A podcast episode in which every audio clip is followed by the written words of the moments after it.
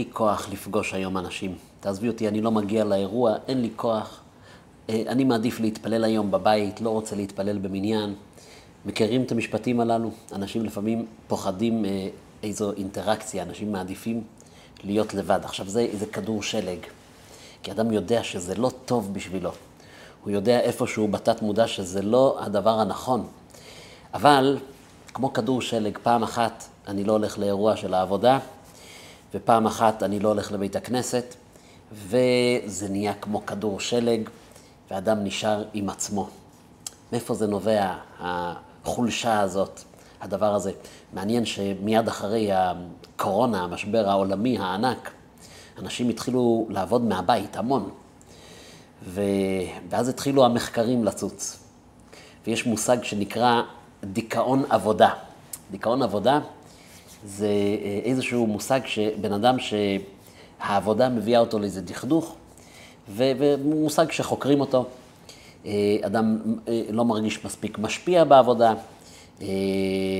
ואדם מרגיש שהשגרה של העבודה שוחקת אותו ועוד ועוד. והנה גילו שהמספרים של אנשים שמדווחים על דיכאון במקום העבודה טיפסו באחוזים ניכרים מיד אחרי אה, הקורונה. אנשים שישבו בבית ועבדו לבד, אז באחוזים אה, אה, גבוהים הרבה יותר, יותר מ-40 אחוז, שדיווחו מתישהו שהם חוו את הנושא הזה של איזשהו דכדוך, איזשהו דיכאון, לעומת אנשים שהיו באינטראקציה, שבאו למשרדים, שבאו, שראו אנשים שגם שם יש דיכאונות, אבל זה אולי ב-50 אחוז פחות.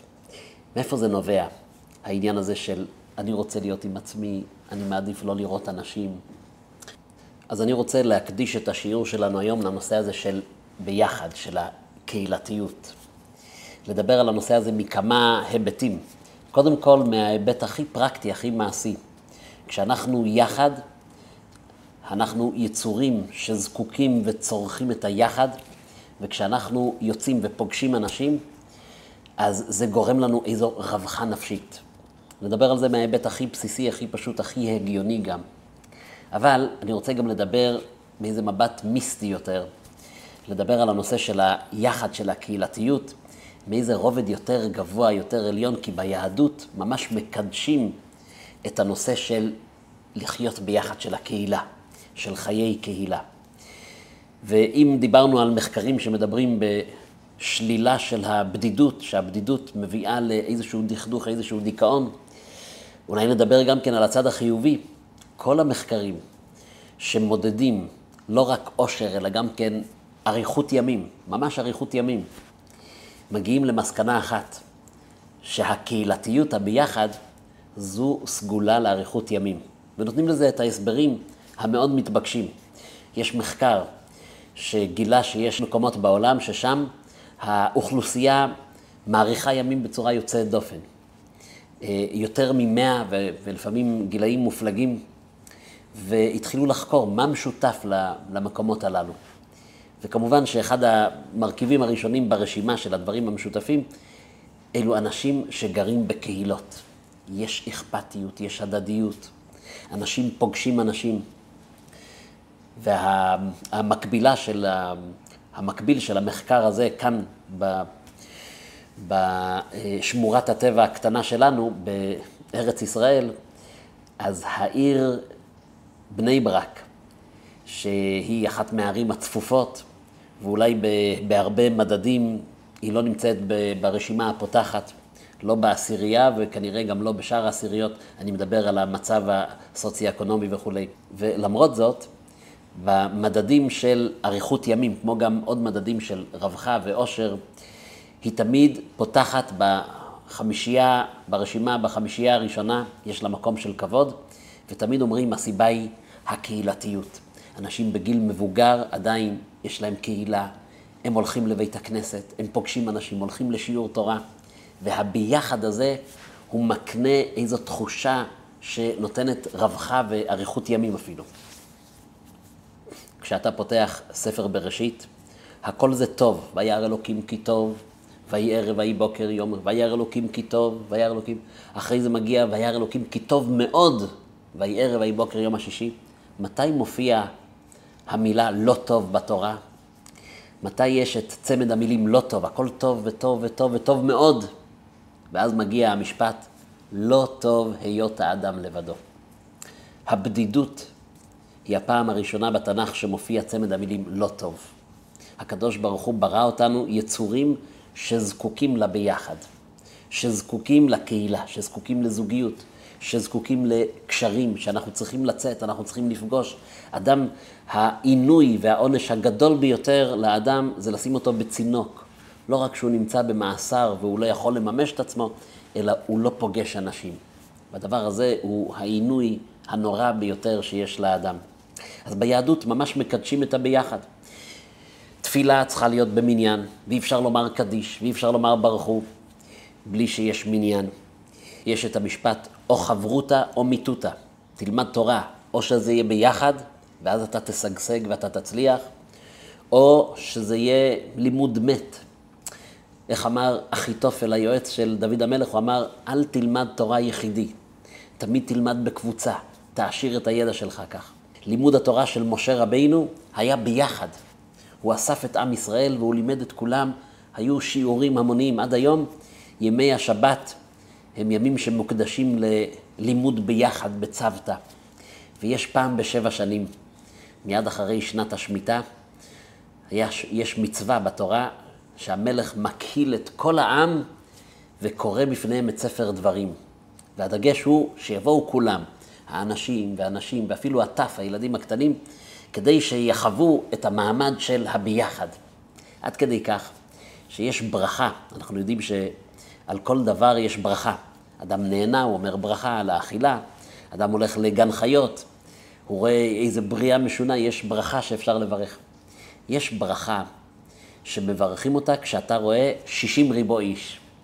600 אלף מישראל, אתה פוגש קבוצה כל כך גדולה, יש ברכה מיוחדת שאתה צריך לברך.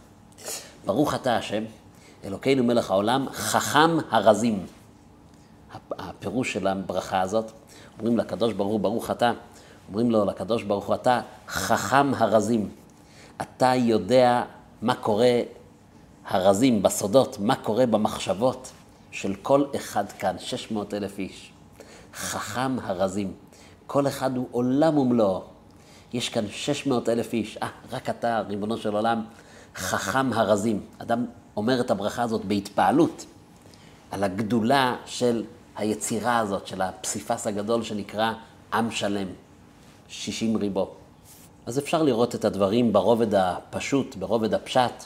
כן, כשאנחנו נמצאים ביחד, יש אכפתיות, הקהילתיות, אחד אכפת לו מהשני, מישהו לא הגיע, שואלים עליו.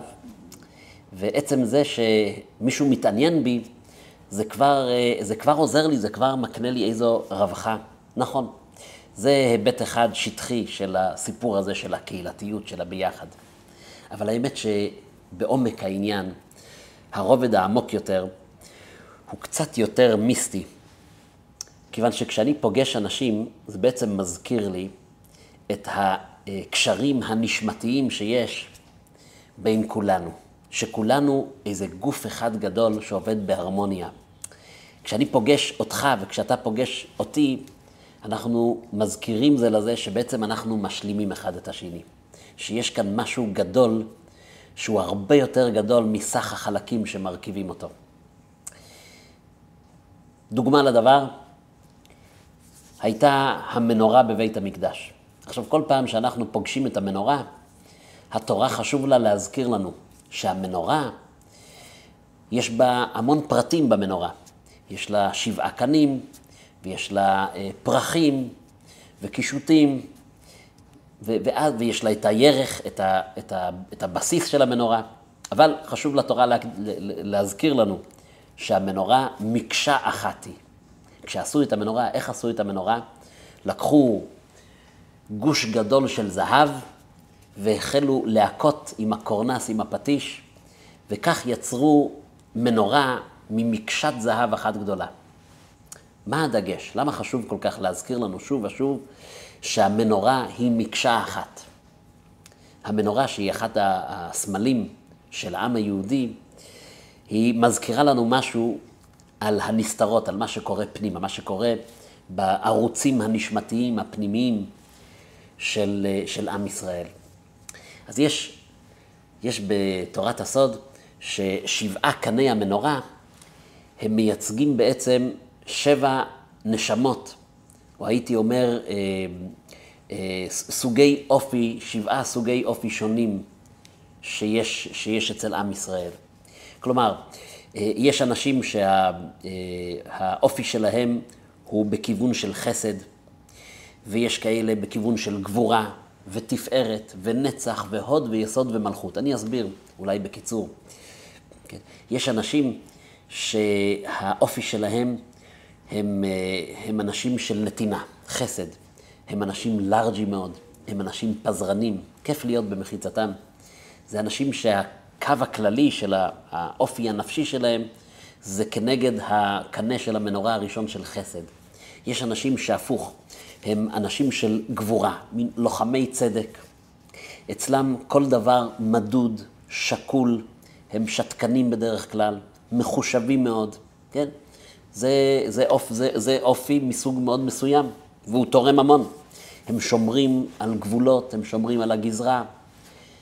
אחרי זה יש אנשים שהאופי שלהם זה סוג של תפארת. תפארת זה ההתמזגות של החסד עם הגבורה. אלו אנשים שיש בהם הכל, הם אנשים שיש בהם שלמות מסוימת. תפארת מלשון יופי. יש בהם גם את היכולת של נתינה, גם את היכולת של אה, התחשבנות ופנקסנאות. ו, ויש בהם את היכולת למזג אותם, והם מצטיינים הרבה גם במידת הרחמים. הרחמנות קשורה עם תפארת. אז זה אנשים שיש להם מזג מאוד חיובי. מין אה, אה, המנוע של החיים שלהם הוא מאוד מאוזן, אבל יש בהם הרבה טוב, הרבה חמלה. אחרי זה יש אנשים שהאופי שלהם זה קשור למידת הנצח. אלו האנשים שיש להם עקשנות, עקשנות חיובית. אבל הם עקשנים. אתה לעולם לא יכול להגיד להם לא. הם לא מכירים את המושג לא. יש בהם עקשנות. הם חוזרים שוב ושוב, הם לא מתייאשים מהר, כן? יש אנשים שהקו שלהם זה קו של ספירת ההוד, מידת ההוד. הוד מלשון הודאה, אני מודה. עניין של ביטול, עניין של ענווה. הם מוכנים לקבל, זה אנשים עם, עם רף כאב מאוד גבוה. הם יכולים לסבול כמעט כל דבר. כל דבר הם מוכנים לקחת על עצמם, הם לא נדחקים בראש, יש להם יכולת של, אה, של סיבולת, הם מוכנים לסבול כל דבר למען המטרה. יש אנשים ש, אה, שהמיוחד שבהם זה היסוד, יסוד זה היכולת של תקשורת טובה, יכולת של חיבורים טובים. זה אנשים עם אה, כושר השפעה, אנשים שהם בדרך כלל אנשי מכירות מעולים. הם יכולים הם יכולים לשכנע אותך לקנות כמעט כל דבר. ויש את האנשים שהם ספירת המלכות. ספירת המלכות זה היכולת שלהם להנהיג, להשפיע. הם בדרך כלל אנשים עם רטוריקה טובה. אז עם ישראל מורכב מפסיפס של, של אפשר לקטלג את, את, את כל הסוגים לשבע. כמובן שכולנו מהולים קצת מזה וקצת מזה, ו, ו, ו, וכמובן שכל קטגוריה כזו מתחלקת לעשרות ומאות ואלפים של תתי סוגים, וכל אחד יש לו את האישיות שלו. אבל כולנו יחד מרכיבים מנורה אחת. ברוך אתה השם, חכם הרזים. כל אחד הוא עולם ומלואו, כל אחד הוא סוד, כל אחד הוא קסם. וביחד יש מנורה. והמנורה הזאת היא זהב טהור והיא מאירה. זה הדבר הנפלא, זה הסוד הנפלא של המגוון הגדול שיש בעם ישראל. כשאתה יוצא ופוגש אנשים, כשאתה יוצא ופוגש את, ה, את הקהילה שלך אפילו, ואתה מיד עומד על כך, אין אחד שדומה לחברו. וכל אחד הוא עולם קסום, כל אחד הוא איזה סוד, כל אחד הוא קסם. ואתה יושב לפעמים מהצד ואומר את, ה, את הברכה הזאת כביכול, חכם ארזים, תראי איזה פלא.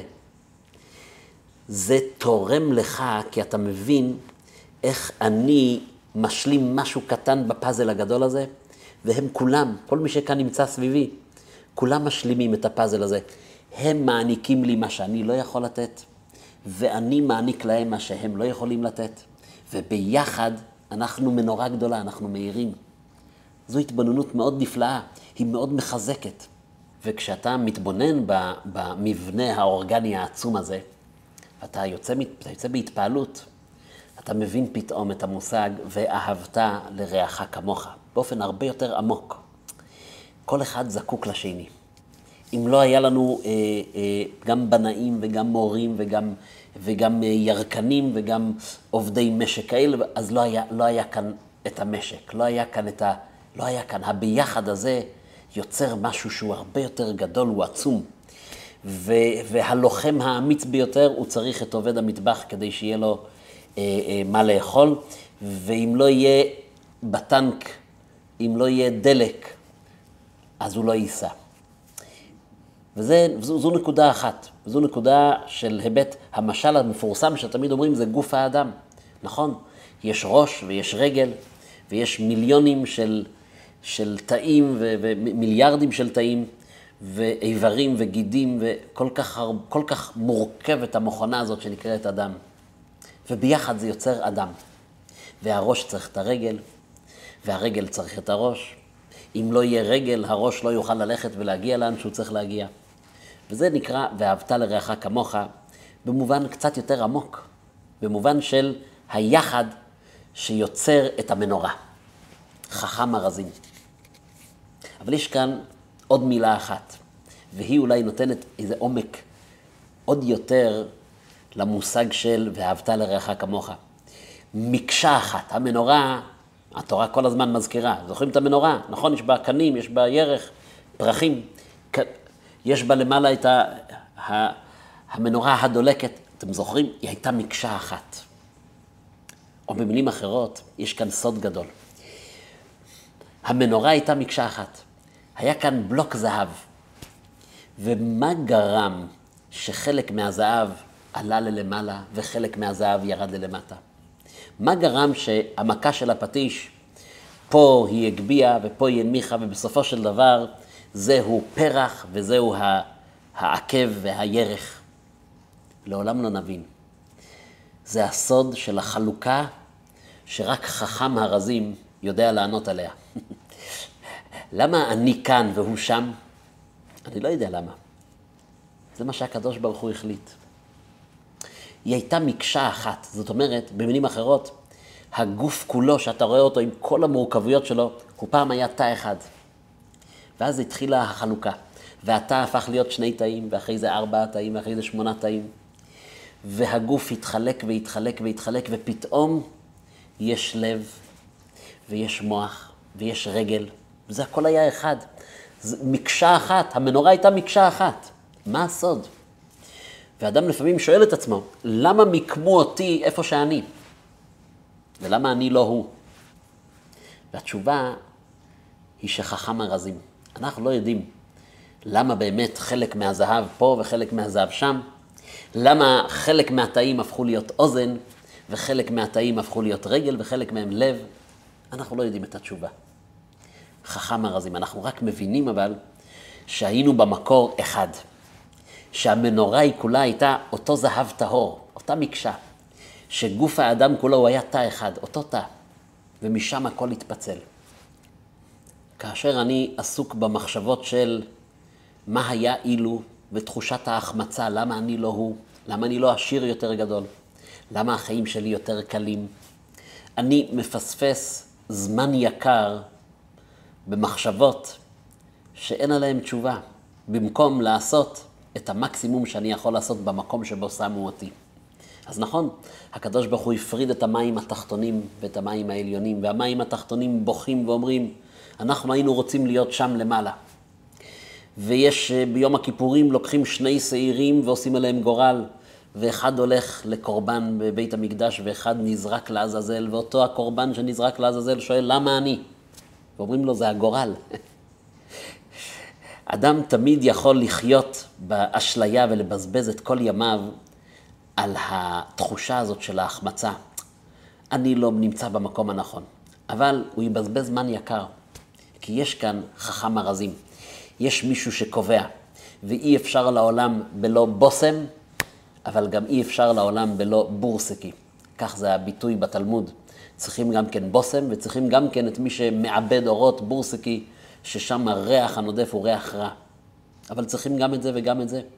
כי אם לא יהיה בושם, לא יהיה בושם, ואם לא יהיה בורסקי שמעבד אורות, לא יהיה לנו נעליים מאור וארנק מאור, ולא יהיה לנו קלף לספר תורה. ולמה אני כאן והוא שם והוא כאן? חכם ארזים. יש איזשהו סוד שזה הקדוש ברוך הוא יודע, אבל אנחנו מאמינים בהשגחה פרטית. ואנחנו מאמינים שהקדוש ברוך הוא שם אותך איפה שהוא היה צריך לשים אותך.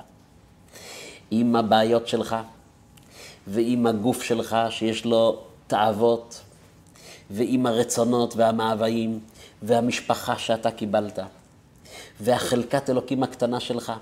זה המקום שהקדוש ברוך הוא בהשגחה פרטית הביא אותך לגור שם, ומקום העבודה שלך, וכל מה שסובב ומקיף אותי, אלו בעצם דברים שהקדוש ברוך הוא הוביל אותי אליהם, כן? כשאדם יעשה חשבון, הוא יגלה מהר מאוד שההשגחה העליונה הזיזה בחוטים.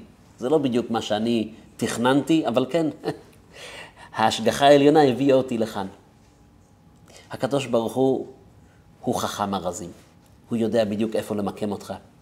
ורק השאלה היא, האם עכשיו, במקום שבו אתה נמצא, אתה תעשה את הטוב ביותר? זו השאלה היחידה שאדם צריך לשאול את עצמו. לא למה אני לא הוא, אלא האם אני עושה את התפקיד שלי. לא לו הייתי רוטשילד, אלא האם אני מממש את עצמי כאן, איפה שעכשיו הקדוש ברוך הוא שם אותי. והאמת היא, יש לי סוד לגלות לכם. כולם מתמודדים עם אתגרים. האדם שחשב שרק הוא סובל מקשיים, הוא האדם שלא פוגש אנשים. כשאתה פוגש אנשים אתה מגלה שכל אחד סוחב איתו איזה פה קלה. כל אחד יש לו התמודדויות ואתגרים, והרבה פעמים אתה שומע עם מה פלוני מתמודד ואתה אומר, ריבונו של עולם, כמה כוח האדם הזה צריך. אני לא הייתי מצליח אפילו לא בחצי ואפילו לא ברבע מההתמודדויות שלו. אתה מוריד בפניו את הכובע. אין אדם שאין לו קשיים, שאין לו התמודדויות. הקדוש ברוך הוא שם אותך עם ההתמודדויות שלך במקום שבו אתה אמור להיות, כדי שאתה תתגבר שם. וכדי שאתה תעשה טוב. כדי שתהיה טוב ותעשה טוב. עם התובנה הזאת, אפשר להגיע הרבה יותר לעומק, למושג של הביחד, של הקהילתיות. כשאתה פוגש קהילה, אתה בעצם נזכר, זה לא רק שהוא אינסטלטור ואני חשמלאי, וחשמלאי צריך אינסטלטור ואינסטלטור צריך חשמלאי. לא, זה לא רק זה. חלק ממני נמצא אצלו, חלק ממנו נמצא אצלי. אנחנו ממש כמו גוף אחד שהיינו תא אחד. אנחנו כמו מנורה שהייתה מקשה זהב. והקדוש ברוך הוא החליט שהוא יעשה פה את העבודה, ואני אעשה שם את העבודה, ואנחנו איפשהו בעומק עומק העניין, אנחנו לא רק משלימים אחד את השני, אנחנו ממש אחד. ואהבת לרעך כמוך. יש סיפור משעשע על בחור שיש לו גיבנת, הוא הולך עם גיבנת. והנה הוא מגיע לגיל של שידוכים, והוא מתחיל לצאת ולהיפגש, אבל כל פעם הוא פוגש בחורה לפגישה אחת בלבד, והיא לא מוכנה להמשיך. והוא יודע מה הסיבה. הוא מגיע עם הגיבנת. עד שהוא תפס שכל. בפעם הבאה שהוא נפגש ויצא עם מישהי, כבר בתחילת השיחה שלהם, הוא אומר, אני רוצה לספר לך משהו. מאוד יכול להיות שאת הנשמה התאומה שלי. יכול להיות שאנחנו אמורים, נועדנו להיות זה לזו וזו לזה. ואני רוצה לספר לך סיפור. אני היום בן 27. לפני 27 שנה, עוד לפני שהנשמה שלי ירדה לעולם, כשהיינו למעלה בהיכל הנשמות, אז הוא אומר, פתאום אני ראיתי את החצי השני שלי, ראיתי את הנשמה התאומה שלי, וראיתי אותה עם גיבנת. וכשראיתי את זה, חרה לי מאוד. שאשתי תצטרך לסבול ככה. ניגשתי מיד למלאך הממונה, ואמרתי לו, מלאך מלאך, אני מבקש ממך בכל לשון של בקשה, תעביר את הגיבנת מפלונית תעביר את הגיבנת אליי. והמלאך הסכים, ואני כל כך שמחתי. והגיבנת עברה אליי, ומאז אני כבר 27 שנים שאני נולדתי עם איזשהו פגם, עם, עם איזושהי גיבנת, אבל אני כל כך שמח שבזכותי הנשמה התאומה שלי לא צריכה לסבול את הבושות, את החרפות, את הביזיונות. ואני הולך ברחוב, אני, אני שמח מכל רגע שיש לי את הגיבנת במקומה. זהו, רציתי שתדעי את זה, ובוא נמשיך. כמובן שאותה בחורה הייתה מוכנה להיפגש איתו שוב, ובסופו של דבר הם נישאו באושר ובאושר. המשל הזה, הסיפור הזה, הוא משל שמספר את החיים עצמם. כי עם ישראל כולו זה מקשה אחת זהב טהור. כולנו היינו אחד, זהב טהור. והיוצר, חכם ארזים, הלא הוא הקדוש ברוך הוא עם פטיש, התחיל להכות. אתה תעלה לשם, והוא ירד לכאן. החלק הטוב שלך צריך להיות אצלו. החלק הרע שלו יהיה אצלך. את הגיבנת של ההוא אתה תוכל להתמודד, אבל ביחד אתם תאירו, אתם תהיו מנורה. ביחד אתם תהיו שותפים שלי, תרימו את העולם ביחד. הוא זה אני, אני זה הוא. החסרונות שלי אולי נמצאים אצלו, הטוב שלו אולי זה הטוב שיש בי, שמאיר בי. ולכן, אל תשב בבית לבד. אל תהיה בבדידות. תזכור שאנחנו אחד. כשאתה פוגש אנשים, אתה כבר לא ממורמר, ואתה לא כועס, ואתה לא אומר, למה פלוני כל כך מוצלח? למה הולך לו? למה פלוני כל כך עשיר? למה אצלם הזוגיות כל כך טובה? למה הם הצליחו כל כך בחינוך הילדים? אתה לא שואל את השאלות הללו. אתה נמצא במקום הרבה יותר מאושר ומלא. אתה יושב כמו אה, בסקרנות. אומר, ברוך אתה השם חכם ארזים. כמה אני מפרגן לו. כמה אני שמח בשבילו. כמה אני יודע שכשטוב לו, זה עוזר לי. כמה אני מבין שמה שאני יכול לתת, הוא לא יכול לתת. כמה אני עכשיו קולט שלכל אחד יש את הבעיות שלו, ואני מתמודד עם בעיות שאני קיבלתי כוח להתמודד איתן. אדם שחי בפרגון כזה, בהרמוניה כזאת, כיף לו לצאת לפגוש אנשים. הוא רואה את הכל בעין ימנית, בעין חיובית, בעין של שפע. וכשאתה פוגש אנשים בצורה כזאת, זה מחזק אותך, ואתה מצליח גם כן לחזק אותם, לתרום משלך. כך זה לחיות חיים של ביחד, חיים של משמעות.